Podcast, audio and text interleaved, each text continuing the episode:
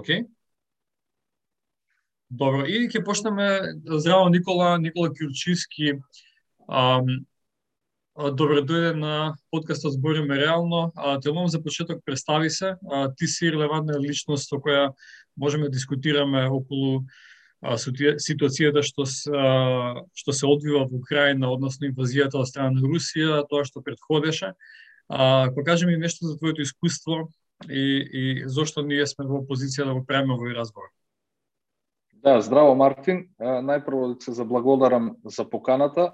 и представува чест и задоволство да разговарам секогаш со тебе. Јас сум прв пат на овој подкаст, но за твоите слушатели чисто да знаат дека ние предходно приватно имаме доста дискусии и јас секој пат сум уживал во, во дискусиите и, и разговорите со тебе, така да на обострано задоволството е овој разговор што ќе го правиме денес. Се надевам дека и, и твоите слушатели ќе им биде интересен. А, за мене, мојот бекграунд, значи, ти како што рече релевантна личност за темава, по мене тоа е субјективна работа, но, но да кажеме имам некој искуство на кое што може да се да се темели таков некој исказ, затоа што скоро 6 години живее во Москва, таму студирав и работев А, на еден начин тоа ми беше и струката, а, да ги да ги следам сите тие работи. А, после од кога завршив во Москва, а, добив работа а, во Белград, сега сум тука во Белград, но а, организацијата на нашата компанија е таква да работам сум во ист регион со колегите од Украина, mm -hmm. а, така да често патувам и до Украина, посебно пред ковидот, пред да се така. случи ковидот. Никола само и само сме да... разговарале доста на на сите тие теми, така да можам од прилика да ги разберам и двете да, страни да. до него. Да. А, само само да да нагласиме дека дека твојата експертиза се наоѓа во а, природни ресурси и рудни богатства. Така е, така е, да. Значи јас јас во таа област работам. Uh, и денеш и, и оваа работа што сега ја работам е во таа област, но е повеќе повеќе во во како да кажам менеджмент на компанија која што работи во во тие во, во оваа област од претходно ми беше консултантска и истражувачка и научна работа во во таквата област. Значи беше повеќе теоретски. Така, така. А, добро, а, благодарам за а, за тоа што се представи. А, сега да, да почнеме, бевески почнем од, ке, ке тргнем од моја страна во четврток наутро. А, рано, рано наутро отворив вести и бев шокиран, потполно шокиран за а, тоа што го прочитав. Не очекував дека, а, како и мислам дека и како повеќето луѓе, не очекував дека дека Русија ќе изврши ќе изврши инвазија до а, до таков степен. Сакам да прашам дали си изненаден на оваа постапка, на оваа одлука на на врвната власт, на врховната власт на Русија? Да, искрено да кажам, и јас сум изненаден и исто бев шокиран. Значи, не го очекував тоа. Не очекував дека одеднаш може толку радикално да се да ескалира целата ситуација. А, тука може да разговараме зошто тоа се направи, така да кажеме, од руска страна. А, по тие мои некои проценки дали сака изненадно да направат а, тој радикален потек кој што јас лично не го оправдувам, затоа што тоа е агресија на суверена држава и инвазија на на нејзиниот и напад на нејзиниот територијален интегритет. А, повеќе затоа што Русија ја има признаено, го има признаено територијалниот интегритет на Украина со исклучок на Крим, тоа што се деси а, анексијата на Крим, кај што имаат тие а, некој диспют околу тоа прашање, но не е доведена во прашање другата територијална целовитост на Украина се до скоро кога а, повторно Русија ги призна а, како независни териториите на Донецка и Луганска, Донецката и Луганската област или Донбас. Да, а пред да се а, пред да започне инвазијата, Владимир Путин прогласи независност на, односно призна, го призна прогласувањето независност на, на овие две области и во, во, во преговорите а, во Минск бараше и автономија за а, за тие области. А, јас очекував а, дека Русија ќе се задржи таму, дека ќе внесе а, своји мировници а, под а, под претекстот а, дека во а, овие области цивилите што представуваат етнички руси или го зборуваат рускиот јазик, а, се а, трпат насилство од страна на украински формации. А, и мислам дека нова ќе се сведе руското инволвирање во Украина, но не, но не беше така. Да, такви беа до негде слични беа и моите очекувања а, затоа што Сена го вестуваше на таа страна, русите најголеми забелешки имаа за неисполнувањето на, на Минскиот договор, Минск 1 и 2 а, од 2014. А, тие сметаа дека Минскиот договор не е исполнет од украинска страна и дека украинците го гледаат тој Мински договор малте некако некоја шведска маса каде од таму може да си земат само тоа што им се допаѓа, а тоа што не им се допаѓа, а се нивни обврски, не се должни да го почитуваат. Тука тоа се темели и на а, а, косовското прашање, исклучокот Косово, тоест руската страна го темели ова независност, а во Минскиот договор беше фактички ниво подолу автономија во рамките на на Украина сега има барање кое е апдейтирано на некој начин, каде што се бара и каде што Русија ја призна независноста на тие на тие две територии, две области во Украина. Но, но сакам само малку само да се доврзам на тоа на почетокот што го кажав. Мислам дека а, мојата мојата анализа беше дека Русија кога бев шокиран првично кога видов дека дека станува збор за за инвазија од од мислам од од висок степен каде што целата територија е нападната, не е само една област, дека Русија сака да го да ја принуди Украина на брз мир, на на брза да ги фатат неподготвени mm -hmm. и да се договорат и Русија да ги добие тие барања што ги има. И по првиот ден, ден и пол, изгледаше дека реални се шансите тоа да се случи, затоа што очигледно по мене и украинската страна не беше подготвена на тоа. По реакциите, судејки по реакциите на председателот Зеленски, тој кажа дека нема поддршка, дека се оставени сами на себе, дека не може да се борат и се го вестуваше дека ќе има некоја брза брз договор каде што веројатно најголем дел од барањата на руската страна ќе ќе бидат исполнети. Да, Но како што одмина времето, тоа не се деси, а ескалацијата на жалост за жал стануваше се поголема.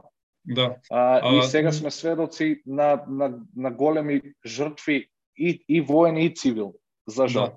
Да, а, доколку дојдеше до тоа, а, хипотетички да бидат задоволени они високи барања на руската страна, тоа ќе значеше и а, тоа ќе значеше и отстранување на а, присуството на НАТО во а, во Украина и тоа сметам дека е а, главната причина зошто Русија изврши а, инвазија на Украина. Одека сакам да зборуваме најотворено да ги согледаме двете страни без да да, да нема подвојување, да согледаме а, суштината на ситуацијата, а, а тоа е дека НАТО со години а, по случувањето на а, во, во 2014 Евромајдан и превратот на а, на власта, а, во Украина се слеваат огромни суми на пари кои одат за вооружување, кои одат за а, така наречен nation building и, и, и, и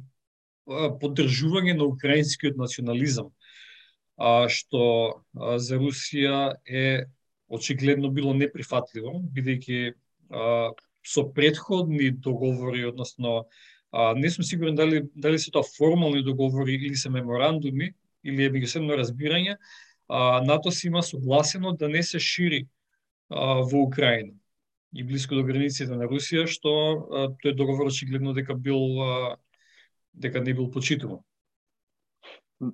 до скоро сега а, изгледаше дека тоа се вербални вербални усни договори кои што ги направиле Горбачов а, и, и, и Буш постариот во тоа време.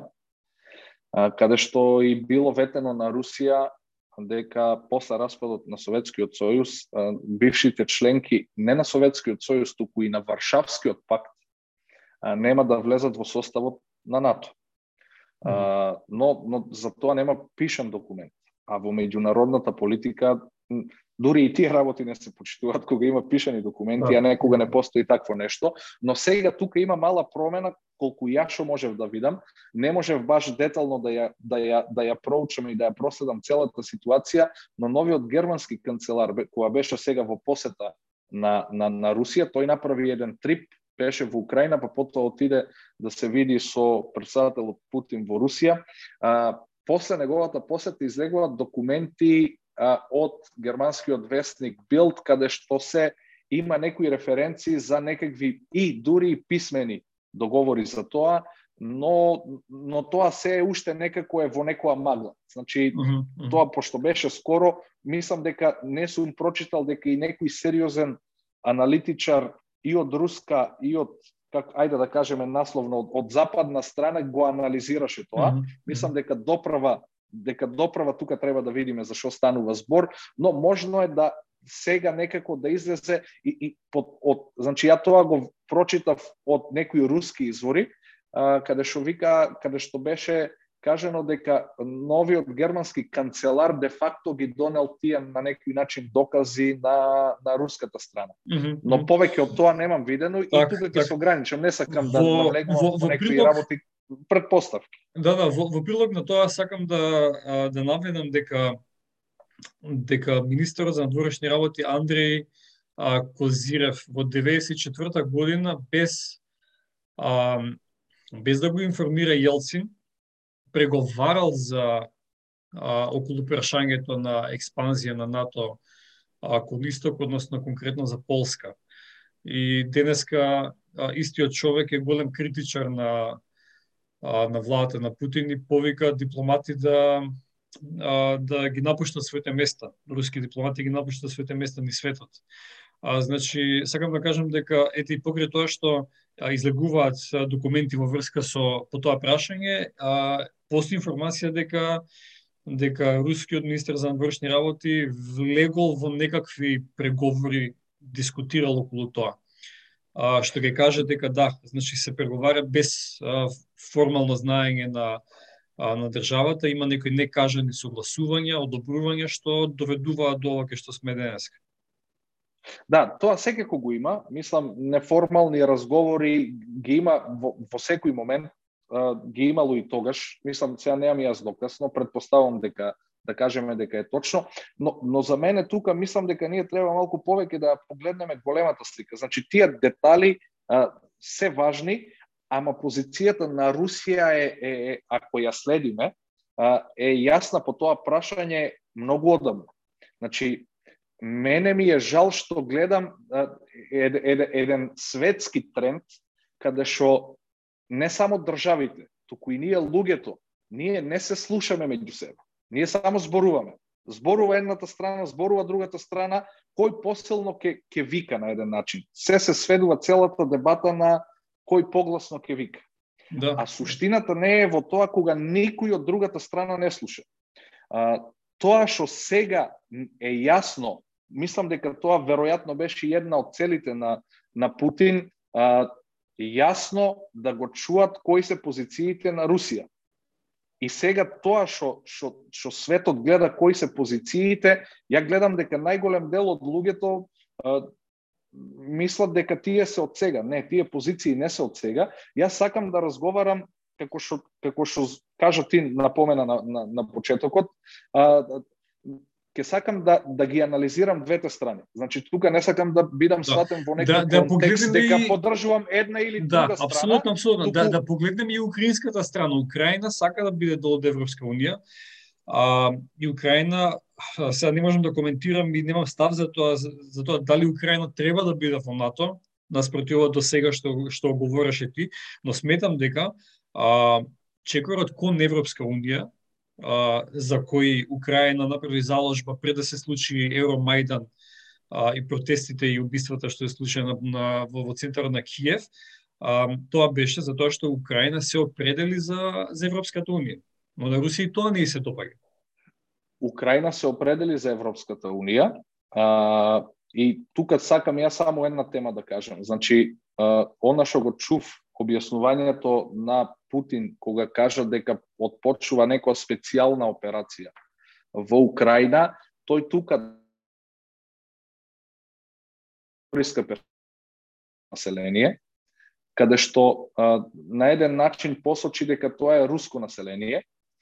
А, по мое субјективно убедување, тука не можам да се сложам и тоа не е така, затоа што сите украинци кои што јас ги познавам, колеги со кои што имам разговарано, се определуваат и идентификуваат себе како украинци. Значи, дека се посебен народ од рускиот народ. Тоа не значи дека нема руско етничко население кое живее во Украина, во главном во источниот дел, најголем дел кај во Донецката и, и, и, и Луганската област, Донбас, а, но а, со текот на времето Украина си има своја изградено своја нација и мислам тука ако се анализираат главните белези на, на една нација, тие имаат свој јазик кој што е не е исти како рускиот, туку е различен, имаат свое писмо, кое што е не е иско на руската кирилица, туку си е посебна украинска кирилица Сли, и најглавно според близко, да.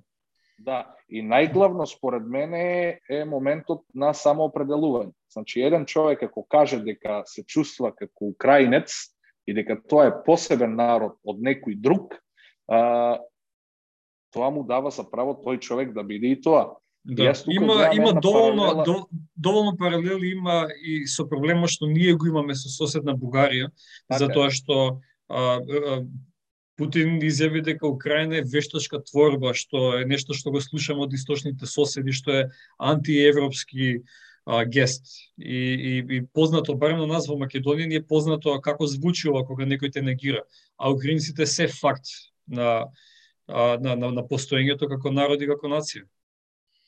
Така е, тука ние делиме во некоја смисла слична судбина со украинците. Се надевам дека нема и нас да нас најде некоја таква судбина како што нив сега им се дешава, но дека е негиран нивниот национален идентитет тоа е точно, но мислам дека тоа не може да се спречи затоа што јас баш на таа тема имам разговарано, значи со тој со тие мои колеги и пријатели и во Москва кои беа украинци и тие сега што ми се колеги а, тука во денешниот делокруг кој што го имам, значи тие сите јасно и прецизно се декларираат дека се украинци и дека се различни од Русија. Јас неколку пати сме ја дискутирале таа тема mm -hmm. а, и сум пробал за мене, за да, за да сватам подобро, сум пробал да ја контрирам другата страна, на еден начин да бидам како uh, спаринг партнер. Uh, mm -hmm јас ја малку застапувам руската страна, чисто за да ги чувам а, највиталните аргументи и, и, и, и по моје длабоко убедување тие се тие се посебен народ и, и посебна нација. Да, Шо, да, и, по мене, и, покре, и по мене не што... значи дека mm -hmm. Ако може само тоа да, да, да, да, значи тие, да. тие не тие делат заедничка историја и историски може во некои периоди тие да биле и еден народ како и да кажеме и ние тука на на Балканот. Ако да, Балкан. се се иде десети на 15 века назад, затоа што историски Русија почнала од Киевскаја Рус. Тоа значи, сакам да кажам првото... дека, дека за Русија многу битен момент во историјата е Киевска Русија. Таму била центрирана руската империја, таму се ширала кон Така е, првата руска држава е формирана на таа територија и уште за нив побитно руската црква е формирана на таа територија и затоа тие сега имаат слично како нас имаат проблем со исто со црковно прашање. Каде да. што. Руската православна црква не ја признава како автономна украинската православна црква, затоа што имаат, затоа што де факто Руската православна црква учествувала во градењето на, сега јас не можам да кажам дали се сите храмови или како е, ама генерално тие имаат мислење дека дека тоа дека тоа дека тоа припаѓа на нив. На нив. Е сега работата по мене е дека тука на цивилизацијски ние не може да не треба да ја оспоруваме историјата. Ама ако историски ние во некој период сме биле, да кажем, исти народ, тоа не значи дека сега нема право тој народ, ако, ако под сите историски ситуации кои што се десиле и промени кои што биле се идентификува како посебен народ, дека тој нема право сега да биде посебен народ. Да, и тоа да. е со сите со сите модерни нации. Значи, така. Тој концепт во, во, на нација духот... држава е, е, е -hmm. прилично нов. Тој е од од 19 век концепт кој што Апсолутно, да. Тоа да, не, во, во, не е духот... праисториска работа во духот на оние um, истражувачи на, на, на северноамериканскиот континент кои стапувале во контакт со а, со домородни племиња и, и кога ќе се запознаеш со нивниот јазик, како они се произнесуваат и разликите што ги гледат помеѓу луѓето, они се служат со им ги опишуваат физичкиот изглед на различните племиња. Знаеш, ако се служиме со такви, да речеме, базични а, некои а, погледи или квалификации, постои, мислам, видна разлика помеѓу русите и украинците. А, сега да кажем од таа перспектива, нели? Генетиката е една една обширна а, тема и, и нема потреба да се навлегува во тоа, но а, за да се за да се одбрани само од предуволувањето на украинците, но сакам да кажам дека дека постојат разлики видни помеѓу украинците и и русите, што не е само прашање на јазик и така натаму, и, за, и заедничка историја, која се преклопува а, своевремено. А сакам да те прашам, а, крајот, да речеме, еден а, да, крајот, ако може така се нарече, од, од, од руска перспектива, како Русија може да а, би можела да стави крај на, на инвазијата, како јас го замислувам тоа. А, Русија го освојува Киев, прави промена на режимот, што тоа и го сака, низината денацифика... денацификација на, на руската влада, каде што ќе следува инсталирање на режим што е подобен за Русија. И тука е многу битен момент што еве идејно можем да го предпоставаме дека Путин се обреќа до украинскиот народ а, и го поканува да, да биде составен дел од од една поширока, да речеме, а, нели руско-украинска култура. А, затоа што ако добие согласноста, поддршката од народот, кој нема да сака повеќе војна, а, тогаш Русија ќе ги добие своите барања, а украинците, односно прашањето на украинска самобитност ќе изгуби. Дали мислиш дека постои таква можност кај, украинците да се јави а, ориентирање кон Русија, да кажат дека да, ете, имаме премногу заеднички работи за да а, за да војуваме меѓу себе и да се двоиме. Бидејќи буквално ќе се откорнат едни од други украинците и русите. Да. А, јас сум скептичен наискрено за ова сценарио кој кој што ти го кажа дека може да се деси реално. Највеќе поради тоа што мислам дека украинскиот народ како народ сега е уште поубеден дека не треба да иде со со Русија, а уште повеќе во некоја си, не знам, конфедерација, федерација, руско-украинска, панславистичка некоја mm -hmm. творба, мислам дека тоа многу тешко да се деси. Можно е да се деси а, да биде променета политичката власт во државата. А, можно е да се деси да биде инсталирана некоја власт која што ќе биде ајде де факто да кажеме проруска, која што политички може да донесе одлуки некои, ама не може да го натера населението да да, да ја врати таа близина. И ја мислам да, дека да тоа најголемата загуба да заборави што се деси, ш, о, најголемата загуба во оваа војна. Затоа што мислам дека после оваа војна, после овие настани рускиот и украинскиот народ, значи тука не зборувам за политичката власт, туку за народот, ќе бидат вековно закрвавени непријатели. А најдобро е за тие два народи, по мене е да имаат тие соработка, затоа што се први соседи, затоа што имаат заедничка историја, затоа што се братски народи. Значи, тоа дека се братски народи не го негираат ниту украинците, ниту русите. Е сега, тука има еден дел а, во западна Украина, а, околу Лавов, каде што тие да, тие се а, доста порадикални во тој поглед, а, но тие историски гледано биле повеќе под а, на еден начин влијание полска на, администрација, полска. окупација и влијание, да, а, и религиско под а, не се православни, туку се по поголем дел се католици, а, и, и, и од тука, да, од тука тие го земаат, а, историски тие го имаат тоа непријателско однесување према Русија. Значи, а, најголем дел од тие краеви во Втората светска војна биле на страната на нацистите и на Хитлер, се бореле од таа страна. Од тука и Путин го темели ова кога што кажува за некоја денацификација, значи тука се главните елементи на таа некоја денацификација, уште кога почнаа протестите во Мајдан, има таму еден злогласен батальон Назов, составен од така наречени бандеровци. Бандеровци се луѓе следбеници на Степан Бандера. Степан Бандера бил неформален лидер на тоа нацистичко движење за време на Втората светска војна. Каде што тие имаат радикални ставови према Русија. Но гледано од цивилизацијска гледна точка, мислам дека и економска, значи не само цивилизацијско-хуманистичка, туку и економска историска некоја врска која имаат, најдобро би било за тие две држави да соработуваат.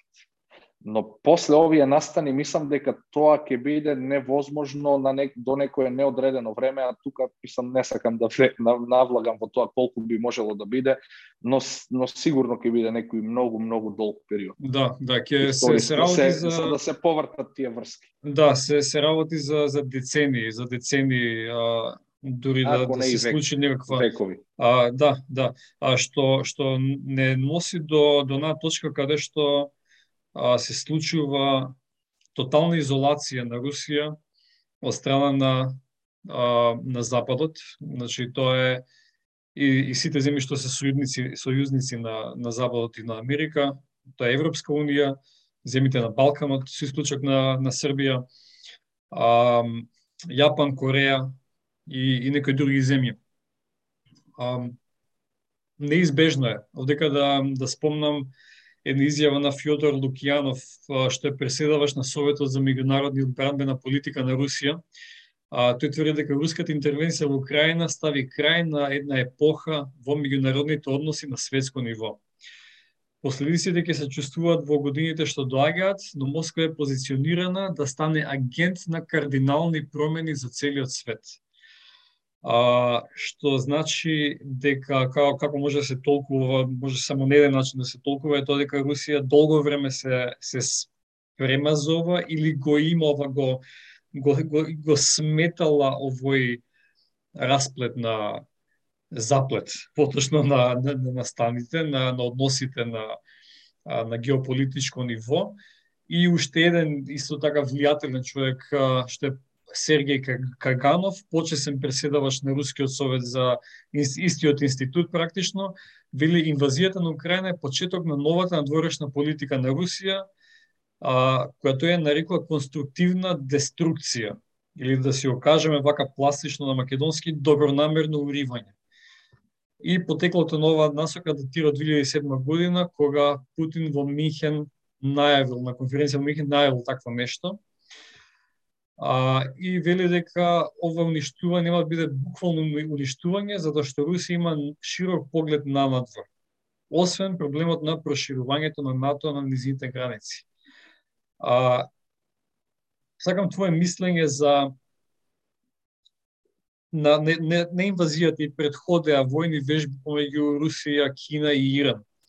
А, големо сериозно сближување помеѓу Русија и Кина, неформална, не е формална алијанса, но е зближување, што значи дека Кина од прилика знае како можело да се одвива ова инвазијата на, на Украина. Но од друга страна гледам дека дека некои реакции од Кина посебни нема, значи не изгледуваат да кажеме добрите, мислам, страните на таа лицата на таа а, неформална алијанса, но ете Русија се спремала за нешто. Дали Русија а, ке се одцепи од западниот поредок и ке се ориентира кон а, кон Азија, односно кон, кон Централна Азија и кон Кина, каде што Кина а, го поставува својот а, појас и пат. Да, а, Значи, Јас се согласувам, Фјодор Лукијанов е доста влијателен новинар и академик во Русија и доста респектиран од таа страна и јас се согласувам со со тезата дека дека ова не е случајно, туку дека ова е планирано сценарио. Мислам, јас за тоа бев свесен а, не дека толку радикално може да се одвива, а, но веќе подолго време пратејќи ја руската политика а, на биполарен на, на, на мултиполарен свет, затоа што сега е униполарен и, и тој и таа политика на униполарност почнува официјално од тој познат Минхенски говор на Минхенската мировна конференција на Путин од, од, од 2007 година, каде што тогаш за прв пат јасно се исцртуваат црвените линии на руската политика, на руската надворешна и одбрамбена политика.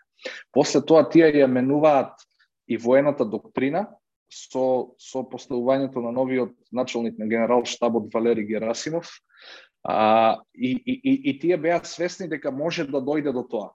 А, дали ќе се отцепи Русија од тој западен свет или не, во овој момент не зависи од Русија. Јас мислам дека лично таа не посакува тоа да се деси, но тоа е земено во обзир во планот во зависност од тоа как, как на каква реакција ќе најде од од целиот западен свет. А, тука е дискутабилно ако ја анализираме и ја гледаме позицијата на западниот свет. Пример, ако ги одделиме традиционалните партнери на Соединените Американски држави и Европа како, како некои две посебни страни од другата страна, мислам дека не е целосно унисон и скоординиран одговорот од, од, од Европската Унија, А, зошто го зборувам тоа? Тоа не го зборувам само за, за држави, да кажеме, од, од типот на Унгарија или Србија. Србија не е ни во Европската Унија, кои што не, не ги поддржуваат санкциите, но ние бевме сведоци некој добро ако забележи дека и Германија првите три дена а, немаше јасен став за работите. Тие ги ја осудија инвазијата, но не направија ништо конкретно, затоа а, а, за да ја санкционираат Русија, затоа што тие се економски и историски испреплетени. Руската надворешна политика има традиционално блиски односи со Германија. А, на нас од Втората светска војна, затоа што тоа е најсвеж историски настан, ни е познато дека се тие крвни некои непријатели, но со исклучок на тој дел, затоа што на, нацистичка Германија да, и Хитлер ја водат да, таа политика. Е друга, друга фаза Русија... во историјата на Германија, што посебно што не има, изолирано, така. но изолирано може да се а, да се да, смета. А, во, во Русија има многу германска култура. Mm -hmm. а, една од најпознатите руски царици Екатерина Велика е германка. Точно. Значи етничка точно. германка која што се омажила за рускиот цар, но бидејќи он не бил доволно силен да ја да ја држи власта, неговата жена Екатерина ја презема власта и таа ја држи власта. И да, но, но само таа има да, направено само, многу mm -hmm.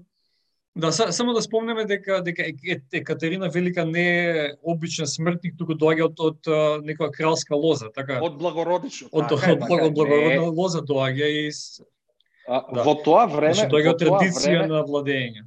Да, во тоа време скоро сите е, царски и кралски семејства меѓу себе е, се мажеле политички, мислам тоа и ден денес го има, но денес сме сведоци, еве да кажеме, ако го анализираме сега, да не, не сакам да идеме на некоја друга страна, кралското, ан, англиското кралско семејство, може да видиме дека тие склучуваат бракови и со луѓе од неаристократска кои немаат да, благородничка некоја титула да, или позадишна. Но тогаш не било така, Екатерина е од благородничка фамилија и таа има направено многу работи за за Русија. Ја тоа бев сведок, го гледав и, и во Русија, додека бев таму, дека германското влијание е многу силно. А, мислам да ги оставиме само тие настрана бизнис и економски проекти кои што ги имаат највеќе во енергетиката, Русија и Германија, Северен Тек, еден Северен тек, два кои што сега мислам дека многу неизвестна му е судбината. А, таму се гледа дека многу луѓе влечат германско потекло. А кога Екатерина била царица на, на Русија, многу германци имаат дојдено а, а, имаат дојдено во Русија, се имаат преселено. Значи, таа е основач на Руската академија на науки. Mm -hmm. Со, со помош на Лајбниц и други некои германски филозофи кои ја основале Руската академија на науки, каде што прв, значи прв а, етнички руси, кој што е член на Руската академија на науки е Ломоносов, Михаил Василевич Ломоносов, кој што го носи името на најголемиот руски универзитет и најпознат во Русија и во светот. 35, околу 35 или 40 години после формирањето на Руската академија на науки. Mm -hmm. Доаѓа член кој што е етнички рус. Да, да, да, тоа е значи, фасцинантно. Значи, да. Да.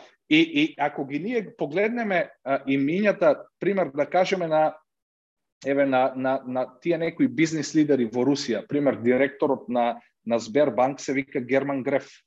Mm -hmm. Познава дека има дека има германска линија во, да. во името. Директорот на Газпром е Алексеј Милер. Милер, да. Така да, така да а, тие конекции се многу блиски со Германија и Германија немаше адхок реакција од типот на Велика Британија, пример, и Франција до негде, и останатите членки од Европската Унија. Да, но, но, но следува... Се, Но, но, но потоа следуваше реакција од, од Германија. Така, Германија најави следуваче... финансиска подршка за Украина, ако не и воена. Така. Така е, тоа е многу голем преокрет во германската надворешна и внатрешна политика. А, тие де факто кажаа дека го менуваат стратешки курсот во тој поглед. Mm -hmm. Затоа што тие до сега од завршувањето на Втората светска војна до сега тие не извезуваа воен хардвер и не продаваа на други на други држави. Да, да. И не финансираа доволно а, својот воен буџет.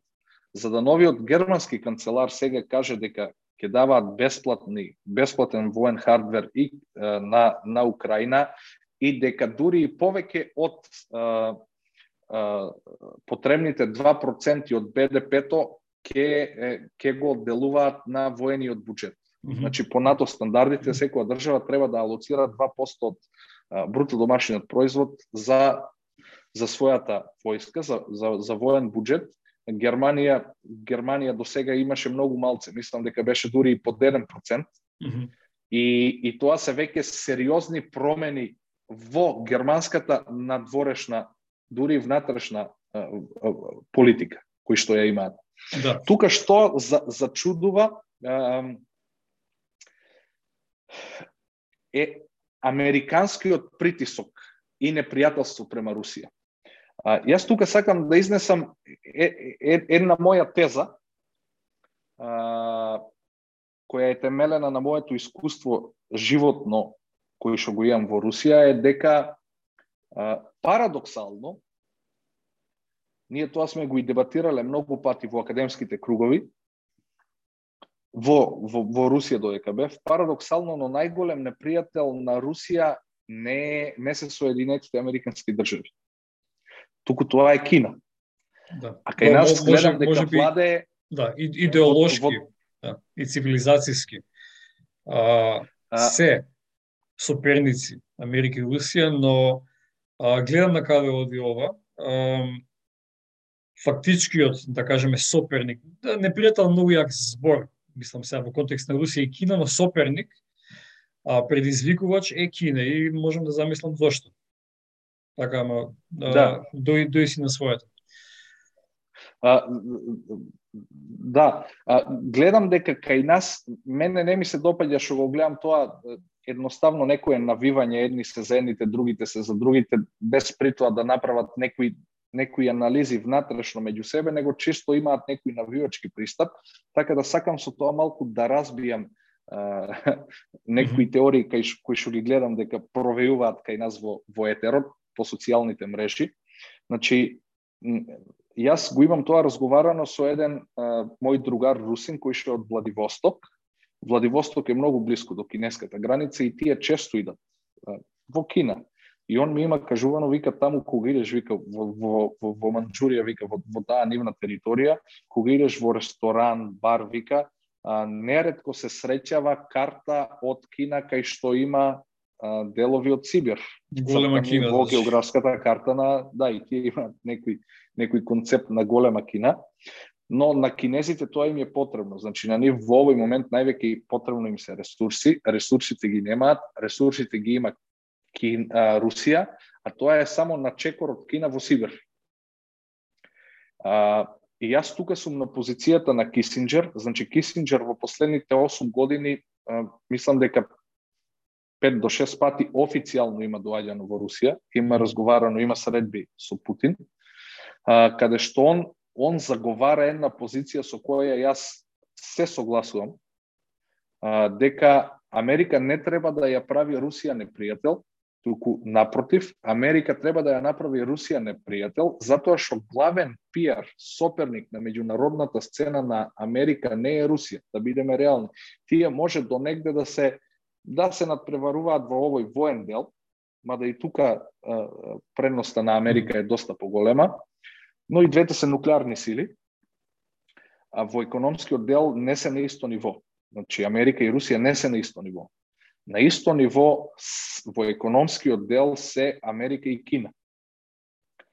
И ако се паметни американците, по Кисинджер, тие треба да ја земат Русија за пријател, за да може да се спротистават на глобалното соперниш, соперништво кој што го гледаме сега на, на, на глобална сцена против Кина. Со ова што тие го прават, а, тие на сила ја тераат Русија да иде од другата страна. Mm -hmm. И мене таа позиција до крај не ми е јасна.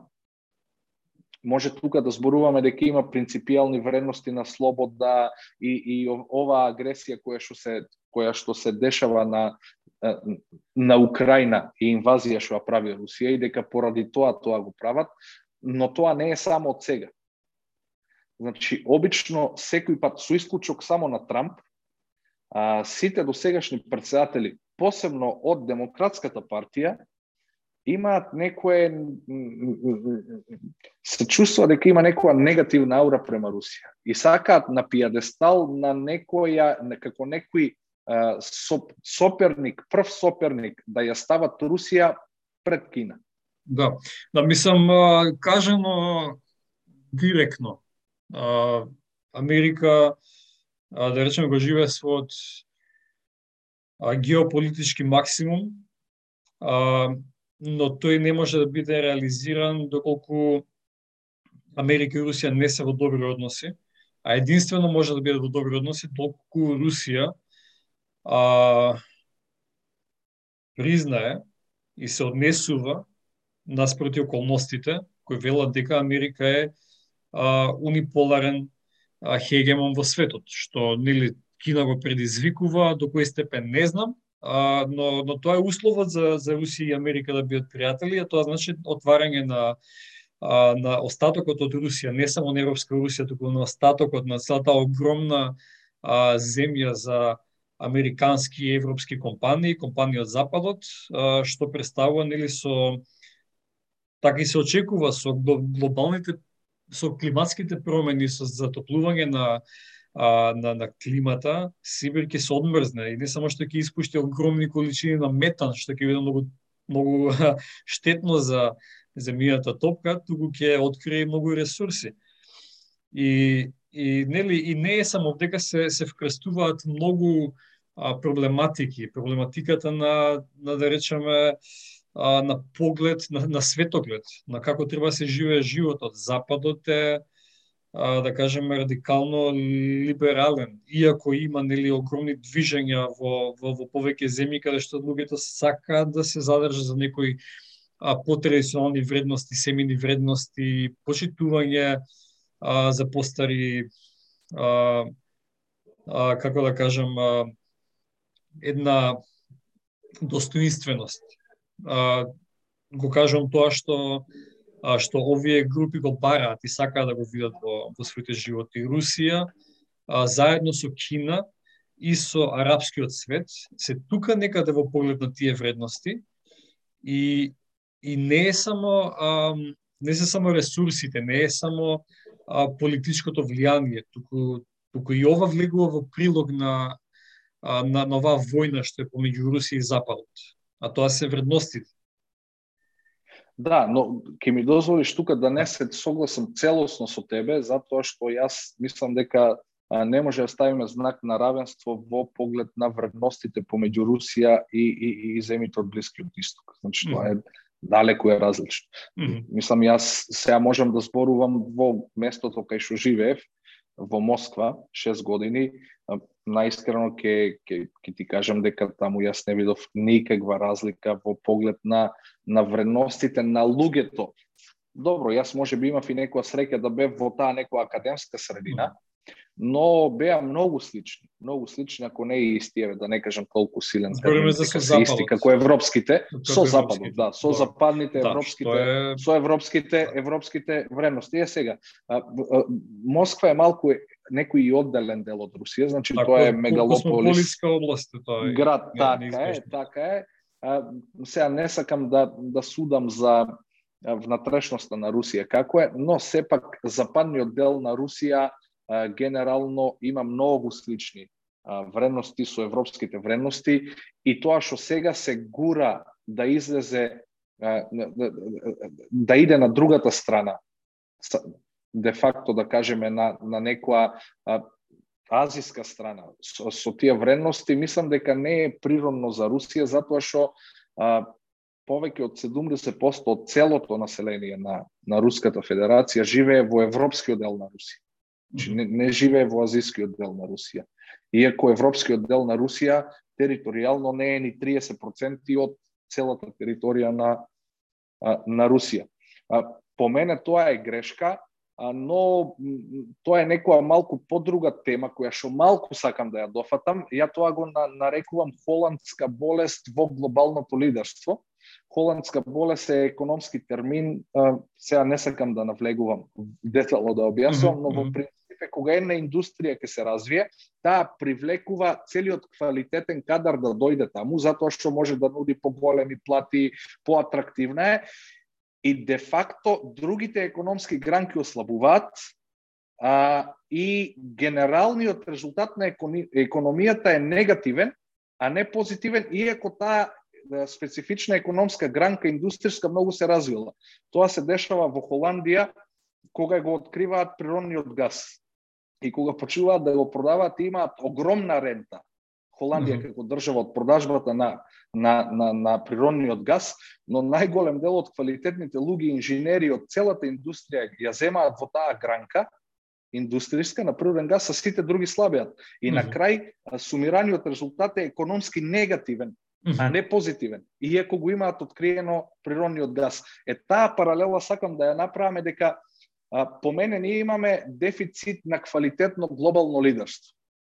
Значи, глобалните лидери и decision makeri кои што ги носат одлугите, а, не се на истото квалитативно ниво кој што го имавме, да кажеме, по мене до таму некаде до 90-тите, до крајот на, на, на, на, на студената војна, затоа што тогаш тоа беше и битно и атрактивно, да, да значи, по природа на нештата беше необходно да има квалитетни луѓе и во дипломатија и во политика, за да можат политичките комплексните политички проблеми да се решаваат во студената војна.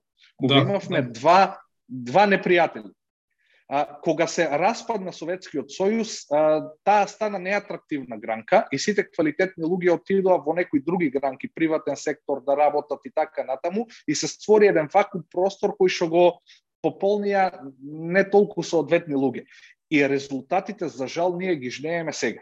Да, а, Никола, и, и тоа што се дешава е последица во голем дел и, и на тие процеси. Да, да, технол... сакам да кажам технолошките гиганти како а, Google, Facebook, Microsoft, да речеме Яндекс за, за Русија, Алибаба за Кина и, и, и останати.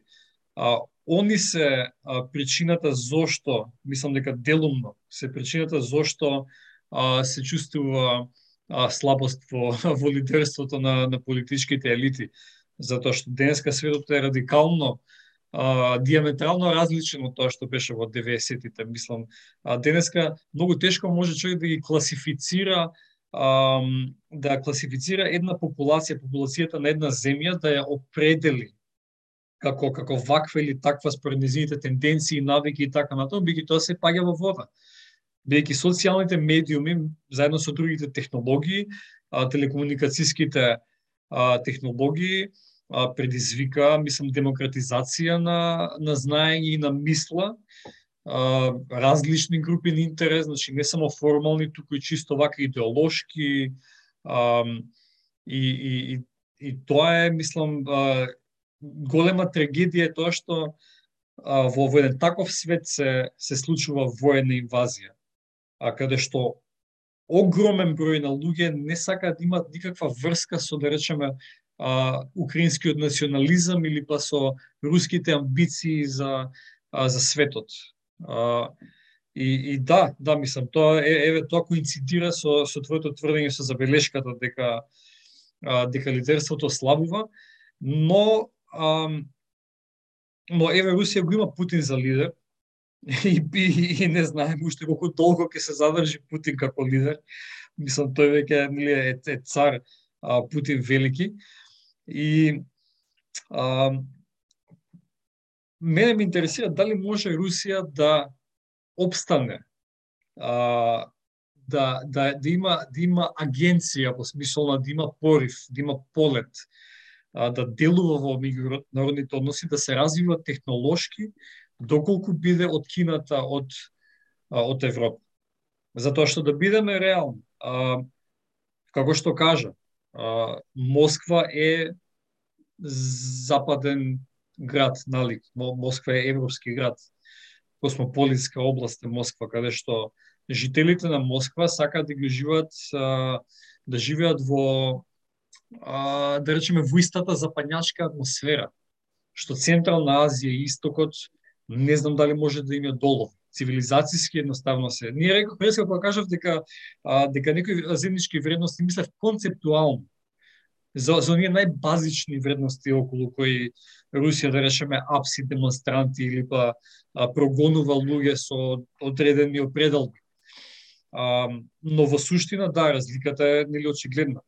И, и прашањето да го сумираме дали дали Русија а, дали дали дали на Русија престоја светли денови со со ова ориентирање, бидејќи е изолиран тотално и ќе продолжи тоа. Тоа е да, да, тоа е многу тешко прашање, не, не, не можам да го одговорам дали доаѓаат светли денови за Русија или не. Јас се надевам дека дека и таму ќе се променат работите. Сепак мислам дека не треба да констатираме дека луѓето не носат некои либерални вредности во Русија поради тоа што таму се апсат луѓе. Значи тоа е дело на политичката власт на таа држава. И, и мислам дека не е фер да се стави знак на еднаквост со со, со граѓанскиот дел на Русија, затоа што јас лично знам многу луѓе, најголем дел од луѓето кои што ги познавам, носат во себе либерални вредности.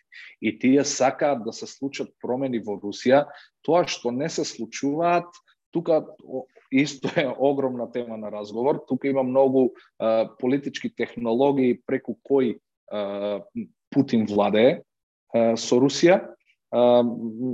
Тој формално правно може си го продолжи мандатот за да може да се кандидира уше во наредните 14 години, ма да јас мислам лично, значи тоа е мое лично субјективно мислење дека после сите овие ситуации дека а, тој многу тешко ќе ќе обстои на власт.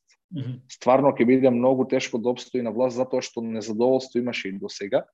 Сега кога ќе удрат сите санкции и кога ќе се затвори Тоа тука апсолутно со тебе се согласувам дека луѓето сакаат да живеат а, европски и да имаат доступ до сите европски и производи и вредности и градови, а, а затоа што азискиот еве да кажеме азиската контратежа во овој момент тоа не може да го да го да го понуди и не е атрактивно.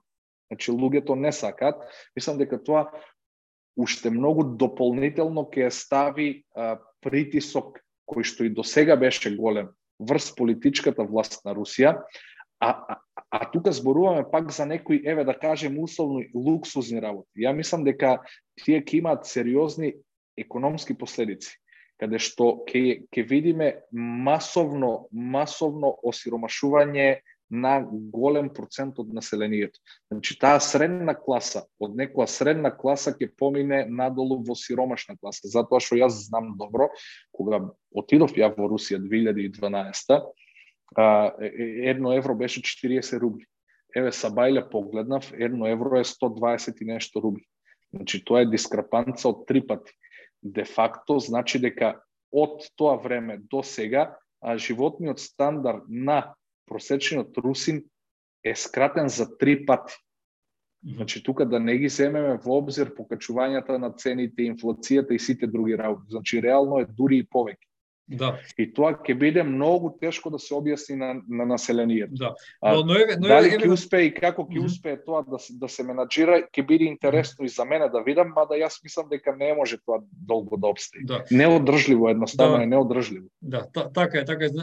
Развојот на, на, на Кина, стапката на, на развој бара големи ресурси, Русија може да ги снабди и ќе има економски развој и економска размена по по таа по таа линија, особено нафта и природен газ, а, каде што Европа ќе изгуби голем дел од значителен дел од снабдувањето, нас најтешко ќе не погоди затоа што Македонија 100% од гасот а, го добива од Русија.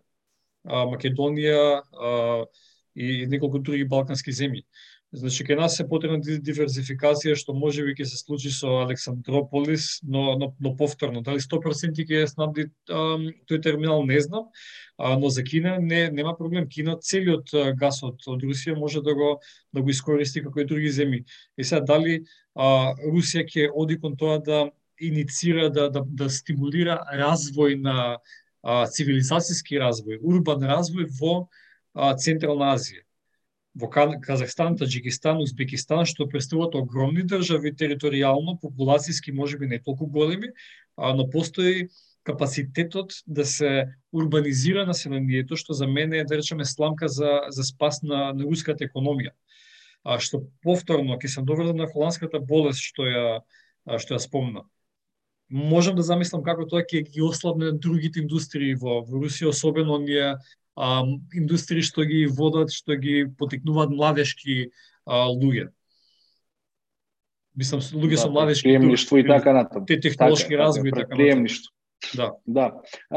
За, за тие индустрии тие не можем највеќе да обстојуваат сега мислам и под санкции, тоа тоа е мислам друга тема кој што ќе биде скоро невозможно да се прави, но тие највеќе не можеа да обстојуваат заради тоа што овие основни постулати на една држава не беа толку силно изразени во Русија како владење на право и така натаму. Значи имаше примери кај што основачот на на рускиот Facebook ВКонтакте беше приморан да ја продаде неговата компанија, тоест апликацијата на руската влада, затоа што беше сериозна алатка преку која може да се врши влијание.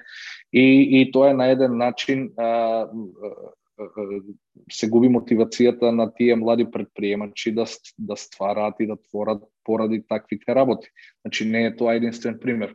А главниот сектор на Русија секако е, е минералите и, и енергетиката. Тој процес на диверсификација а, во Русија е отпочнат од поодамна. Значи тој тие не го прават сега. Значи и тие затоа ја кажувам дека ова што сега се дешава не е баш адхок, туку е испланирано. Уште првиот пат кога Европа кажа дека сака да се диверсифицира од, од рускиот газ, а, Русија почна, тоест Газпром почна да се диверсифицира исто така. И, и, и, и тоа не е многу лесно да се продава, лесно е да се каже ќе се продава на Кина. Знаеш, како е прашањето? За тоа треба инфраструктура. А, гасот е многу многу по-комплицирана работа за продажба. Значи тука мора да имаш има два начини генерално. Еден е преку гасопроводи, а другиот е преку течен газ. И едното и другото коштаат многу. Но поевтино уште во овој момент е преку гасопровод. И Русија го направи веќе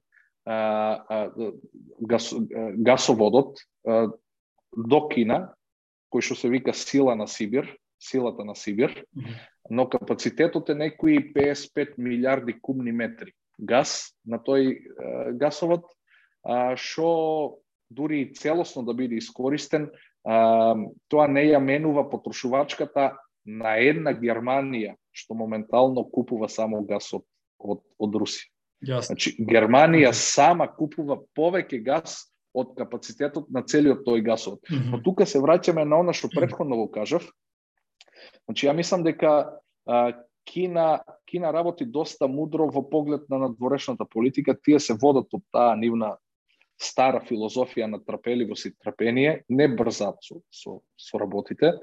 И мислам дека тие ќе го освоат Сибир а, економски. Значи, тука нема да има класично конвенционална војна, каде што тие сега ќе ја нападнат, ќе ја освојат територијата на Русија и ќе ја контролираат дел од Сибир и ќе ги вадат ресурсите.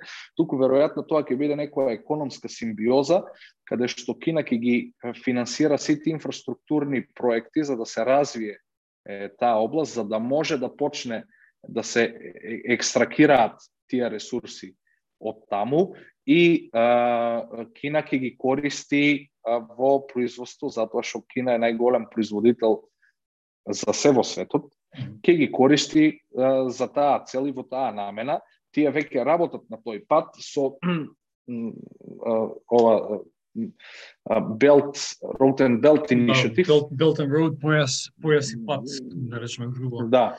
Кажем. А, каде што каде што каде што тие инвестираат многу во сите тие држави Еве, јас сум сведок, ние дури и работиме со кинеска компанија тука Zijin која што го купи поранешен RTB Бор и планираат и стварно планираат и тоа се гледа и веќе направија многу да тоа да биде најголемиот трубник на бакар во Европа. Зборуваме за во Србија? За во Србија, да. Во Србија, Тука, да. да, да. Затоа што Кина инвестира многу во Србија. Значи, тие градат електроблокови на термоцентрали, инфраструктуру, патишта, мостови, РТБ Бор го купија, а, железарата во, Сме, во Смедерево ја купија. Значи тоа се милиарди и милиарди инвестиции.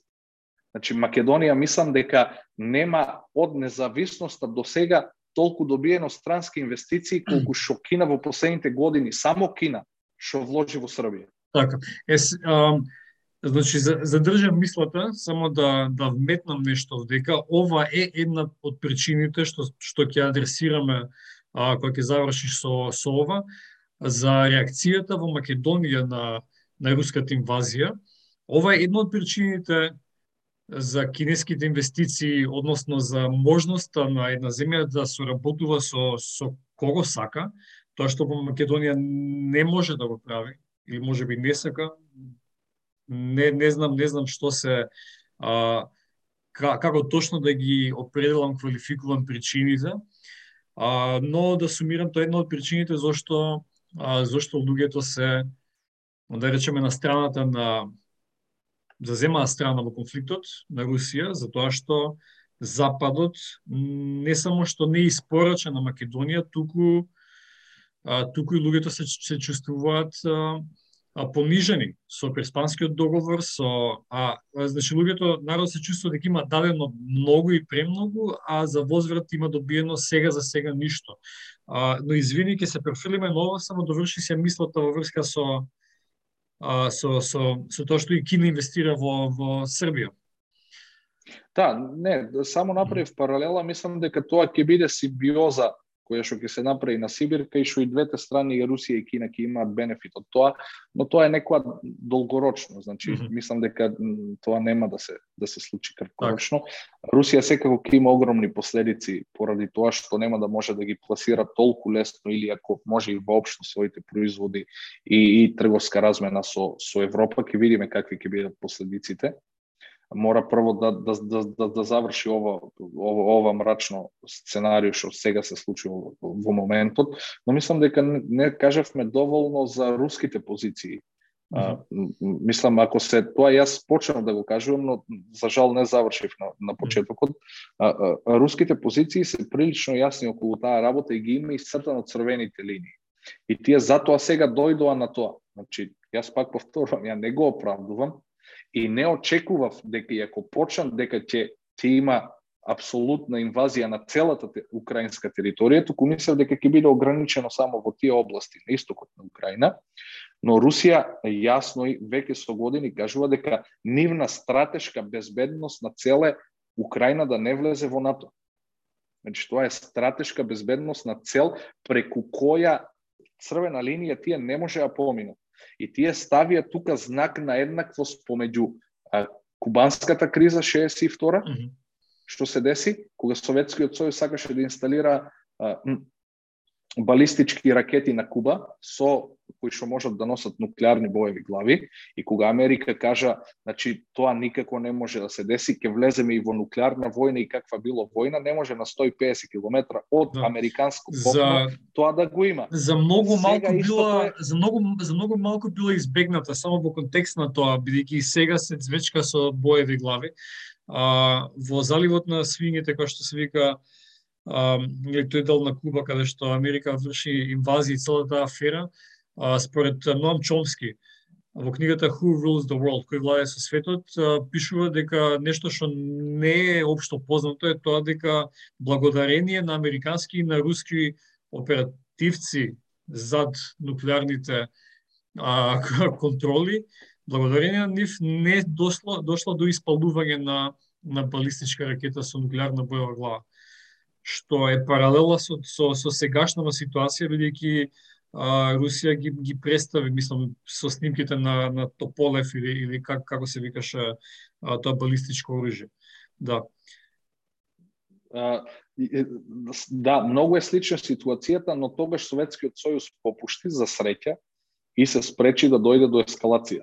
А, сега јас не гледам дека Западот има намера да попушти во тоа затоа што по мене ја мислам дека тие мислат дека дека а, русите, тоест Путин блефира и нема тоа да го направи. А, јас исто мислев слично нешто така. А, и но кога видов дека се деси апсолутна инвазија на на на на Украина, а, се плашам, се плашам за жал дека мислам дека Путин не блефира и дека може да се деси уште поголема ескалација, дури по мене може да дојде до, мислам, тоа нема да биде класична употреба на, на нуклеарни, стратешки нуклеарни нуклеарно оружје, туку ќе биде веројатно некое тактичко нуклеарно оружје со ограничена географска мок, но сепак ќе може да биде нуклеарно. И ако се тоа деси, тоа е имаат американците во англискиот јазик има добар термин за тоа, тоа е point of no return. Да. Ако се тоа деси, тоа е point of no return и тогаш стварно не знаеме како се може дополнително да ескалира да. целата ситуација. Мислам, и тоа е мене што лично сегашната, сегашната ситуација е point of no return до одреден обсек, а, но но исто така испуштивме да а, да нагласиме дека дека години пред, во изминативе, да речеме 4-5 години, а, се случуваат некои многу чудни а, случаи, да речеме соборување на руски авион а, во Сирија, нели Русија има а, војно присуство во Сирија, каде што пркоси на американските а, цели за со таа земја, потоа се случува нешто како паѓање и, и тотално уништување на носечки авион со 250 членови на рускиот воен хор во Црно море, каде што сите луѓе гинат. А, тоа се чудни случаи што ги има повеќе во текот на овие пет години. А, не знаеме во на, на, на, на територии надвор од Русија какви диверзантски акции и саботажи се има случувано, но мене ми беше јасно дека ладната војна е започната не сега, не започнува сега, туку сега кулминира. А, а беше започната во изминативе колку? Да речеме од, од до 2014 па па навам. Веќе Западот и Русија, односно Америка и Русија влегуваат во новата а, студена војна и мислам дека ова е point of no return и и твое мислење дали а, што треба да се случи за за, за, за, за да го натера Путин, односно Русија, да се одметне со нуклеарно оружје, со потреба на, на боеви глави? А, тоа исто не е лесно прашање се одговори.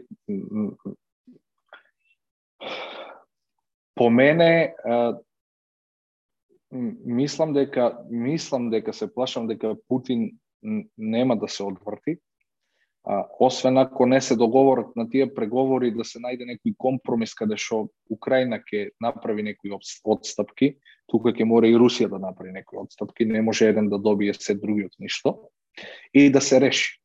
Тоа по мене по мене едно сценарио. Друго сценарио за решавање во некои друго за решавање на оваа ситуација криза ако се деси што јас мислам дека исто постојат шанса да се деси некоја револуција во Русија, внатрешна, каде што политичката власт ќе биде тргната.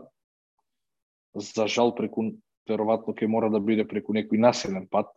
Дали тоа може да се деси, колкави се шансите, не сакам да шпекулирам, не знам, ама знам дека сите овие работи дополнително ќе влијаат во таа насока, тоа да се случи. И третото сценарио е а, ако не отстапи ни една од страните, Украина да не отстапи ништо, Русија да не отстапи ништо, мислам дека тој воен конфликт ќе продолжи и тогаш ќе остане тој голем висок ризик за употреба на некои за жал некое веројатност тактичко некое нуклеарно оружје, за, за повеќе не сакам ни да помислам, затоа што тогаш завршуваме сите. Да, тактичко во смисла на не голема, не преголема разворна да, мок, да, туку да, тактички да, неспособи. Да, туку географски, да, ограничено на, на одредена географска да. територија која што може да биде еден град, да кажем, и некој уште помал mm -hmm. географски регион, така нешто. Така, да. Но сепак, а... кога ќе се искористи нуклеарно оружје, е нуклеарно оружје. Да. И тогаш а, не знаеме то, како води до... да бидат реакциите од другата, од, од другата страна. А, по мене Русија ќе иде до крај со, со, со тоа а, како Америка што имаше 62 Кенеди, кога кажа дека ние сме подготвени да идеме до крај, дали тоа ќе биде нуклеарна бомба или не, Тоа не можеме да го дозволиме. Сега истото тврдење го има и, и, и, и Русија и Путин, а, но, но, но да бидам искрен до крај, не гледам дека Америка така сериозно ја сваќа таа закана, што по мене мислам дека треба така да ја разбере. Mm -hmm. Да. да. А, Никола, да го адресираме и уште прашањето што значи ам, ситуацијата во Украина, мислам за се што зборавме до сега, импликациите за Македонија, а, кои се а, се се појави едно подвојување на социјалните мрежи, да, да, така да се изразам, вријат а, се уште. Мислам, постојано се, се постира, не помина толку дол, долго време на, а, но, но знам, а, јасна ми е поделбата, а, јасни ми се а, ставовите, не велам дека оправдувам едни или други, него чисто имам разбирање од каде доаѓаат тие стави. Кажав преска дека а, тој од а, конкретно а, од етничките македонци што го поддржуваат Путин, а, реков зашто ќе повторам, дел од причината зошто е, е, е поради ситуацијата во која се наоѓа Македонија да биде условувана. А, од друга страна, а, од спротивната страна ги имаме оние луѓе кои а, јасно се солидаризираат со Украина и потполно го, на, го напаѓаат и го а, и го ругаат Путин, пристапуваат кон, кон целата таа медиумска војна што се случува, медиумски напад и медиумска војна против Русија, а, што чисто субјективно кажувам, каде беа овие луѓе за сите други инвазии што се случува во изминативе 20 и 30 години, за кои Русија не била а, а, виновна, туку биле виновни земји од Западот, вклучувајќи и Америка и а, во нели во концерт со земји што се членки на НАТО, збориме за Ирак, збориме за Сирија, збориме за а, за, за Либија и, и многу други земји. Значи, луѓето очигледно заземаат страни во овој конфликт, а, тоа е човековата природа, но и овдека покажува каде каде Македонија стои во ова прашање. Македонија не се а, народот во Македонија се нема јасно определено дека е, е 100% посветен на западните интеграции. Туку некои луѓе реално да збориме гледаат никаков спас, никаква алтернатива, некаква одмазда да кажам, а, за се што се случувало а, кон кон исток, односно кон Русија. Што нас се што зборувавме не е реално. Чисто само уште да го кажам да, да Русија историски гледано Македонија стварно нема видено некој а, војно-политички а, а, користи од од Русија и впрочем Димитра Чуповски кога се обидувал да регистрира македонско друштво во во Санкт Петерсбург бил враќан пет пати за тоа што презнакот на на тоа македонско друштво го имало зборот македонско и бил наменет за македонските работи. Русите не го дозволиле тоа. Значи, од каде е таа надеж на луѓето дека нешка Путин ќе биде спасител на Македонија, не знам. Но кажи ми го твоето мислење во врска со Да, тоа не е единствен начин, имало многу јас ќе ги наброам после и неколку други, но но пред се сакам да кажем дека за жал кај нас а, се гледа таа обшествена поделеност дури и по тоа прашање. Значи, ние сме па дури и по ова прашање, кај нас е таа некоја дебата сведена на некое примитивно навивачко ниво, а, што за жал дополнително го прави ова раслојување обшествено помеѓу нас, македонскиот народ, во, во државата, без притоа да се погледнат и двете страни, да се чуат, да се изанализираат, да се проба да се разбере позицијата на едниот, позицијата на другиот. Ние секако не треба да видиме тие кои што ќе судиме. Значи, јас секој пат сакам да, да избегнам да бидам јас некој судија, затоа што не се чувствувам дека јас имам некое легитимно право тоа да го правам.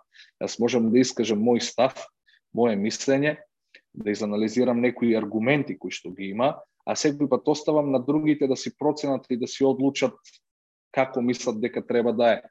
А, мислам дека е грешна проценката а, дека ние ќе бидеме спасени од, од Русија, затоа што тоа историски а, скоро никогаш се нема десено, освен во 1991 кога а, Русија ја признава Македонија како независна држава.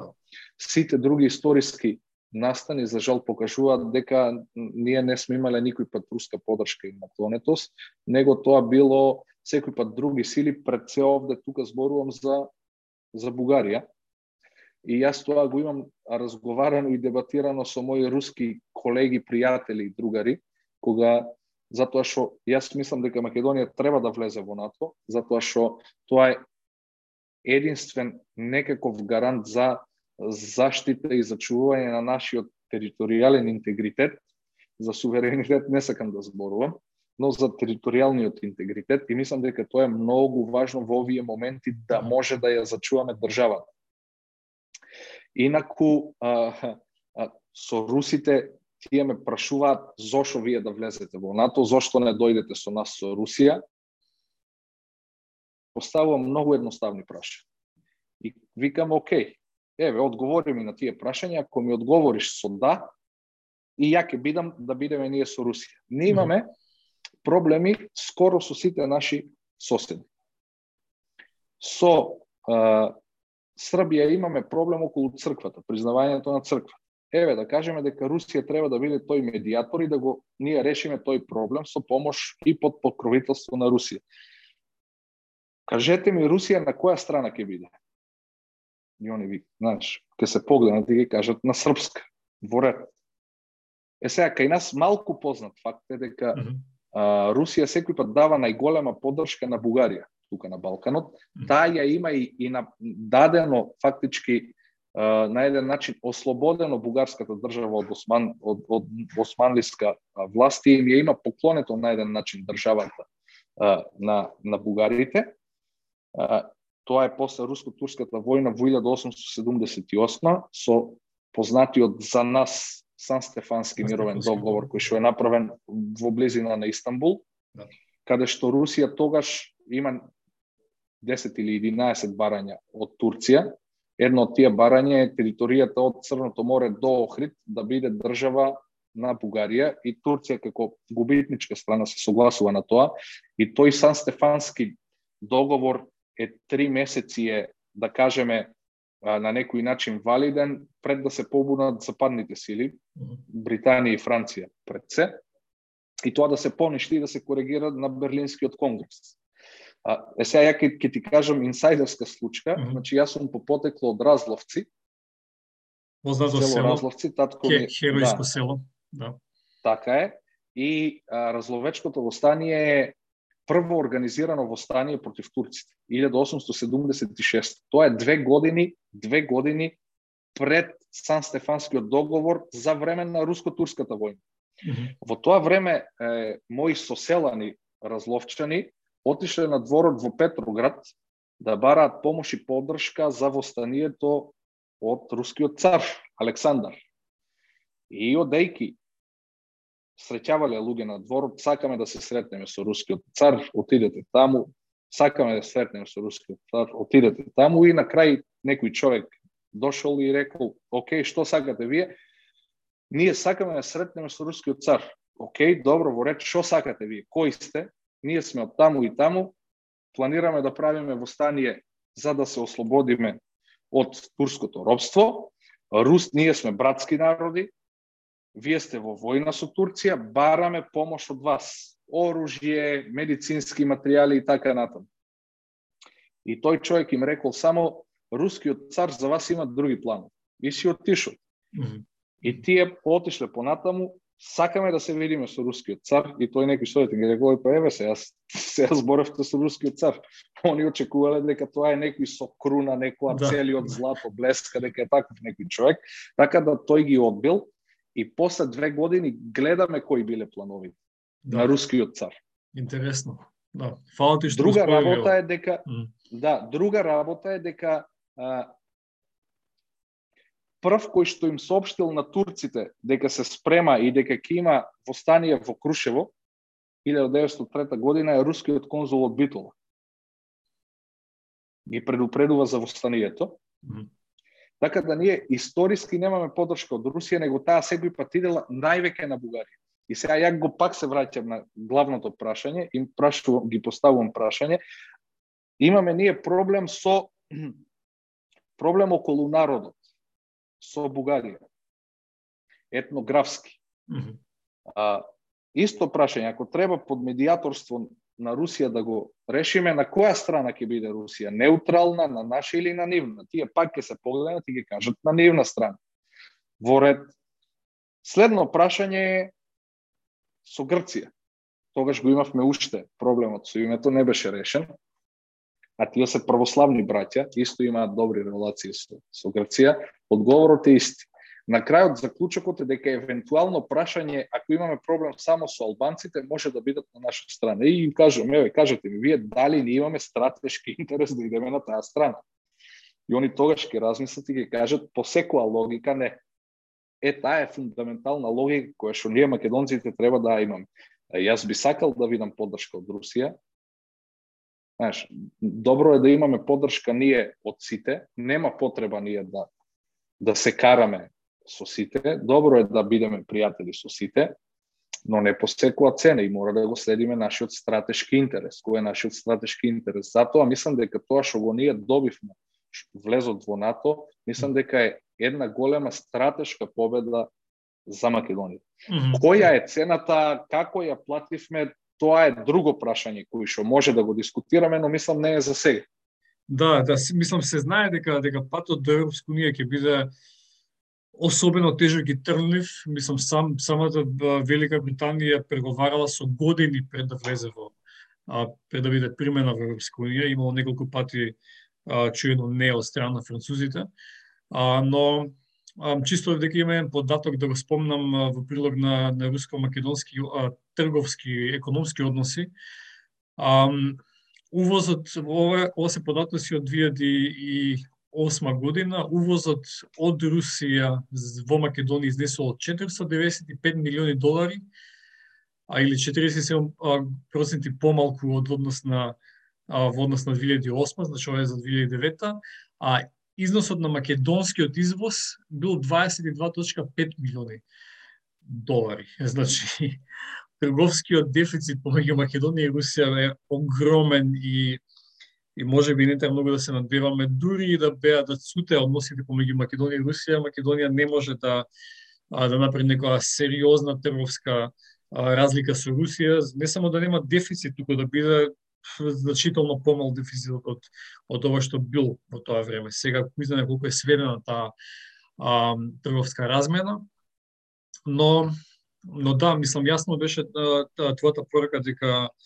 дека таа прагматичност кај правдолюбивите македонци што што субјективно гледаат на на работите во интерес на во однос на македонските интереси е е, е да премногу да кажеме на, на нашиот однос со западот е е се уште за жал кај нас науката и универзитетите не си ја вршат работата како што треба, тоа треба да ставено во контекст, треба да се дефинира, треба да се разговара на таа тема, кој е односот наш со Западот.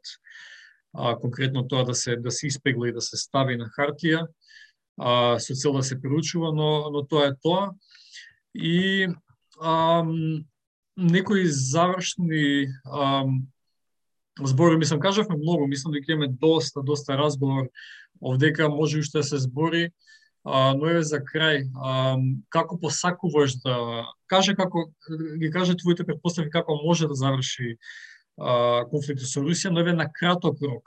Не не одиме премногу далеку на краток рок што ќе се случува во а, со руската инвазија, ќе се случува, мислам, а, очигледно дека војната и медиумската војна, пропагандната војна е, е многу, многу, многу прелјава работа и како тоа ќе се одрази на на конфликтот? Ако е прашањето како сакам да заврши таа војна, ја мислам дека најдобро е да застанат сите воени действија сега, да седнат на маса и да не станат од таа маса додека не направат компромис, тоа се да се запре. А, тука секако нема да бидат целосно задоволни ни едната ни другата страна, но најбитно е да се запре војната. Е, тоа е моје некое пожелно сценарио како ја би сакал тоа да се реши. Значи тука тука мора да направат одстапки двете страни и да добијат по нешто и двете страни. Тоа е компромисот, тоа е дипломатијата и тоа е политиката. А, мене за жал зошто највеќе не ми дава и ја осудувам војната инвазија на, на Русија према Украина е затоа што а, сакаат да постигнат политички цели со помош на, на војна интервенција. По мене тоа не сме мислам не смее да се деси. Не треба да, да се деси. Да, мислам ништо сега... ново. ништо ново да, во светската историја, да, во подовата историја но, дури. Но но, но, но мора мора да се слушне мора да се слушне ставот и на Русија, мора да се разговара за тоа и мора да се најде некој компромис. А, не може едната страна да добива се. Значи, тоа е тоа моје некое посакувано сценарио, како би сакал да заврши таа војна, веќе се направени последиците. Ја мислам дека помеѓу украинскиот и рускиот народ тоа ќе биде вековно, додека нешто не се подобри, но се случи. Така да за Македонија го кажав, мислам дека стратешки е тој правец кој ние треба да се движиме. Тоа не значи дека една страната по која што ние се движиме дека е перфектна и е секој пат во право ти имаат исто направено многу воени интервенции. Тоа може друг подкаст и за тоа да се направи. Да, да. Но светската политика е таква каква што е. Ние за жал како Македонија сме мали, секако не може да бидеме одлучувачки фактор, мора да играме секој пат прагматично, да бидеме прагматични и да ги следиме нашите интереси. Нашите интереси да бидат добро изанализирани, проценети и тоа така да се направи. А, јас не можам да најдам замерки кога гледам по социјалните мрежи какви примитивни дебати се водат на таа тема од обични луѓе, но и тоа какви замерки наоѓам кога наши официјални лица го прават исто.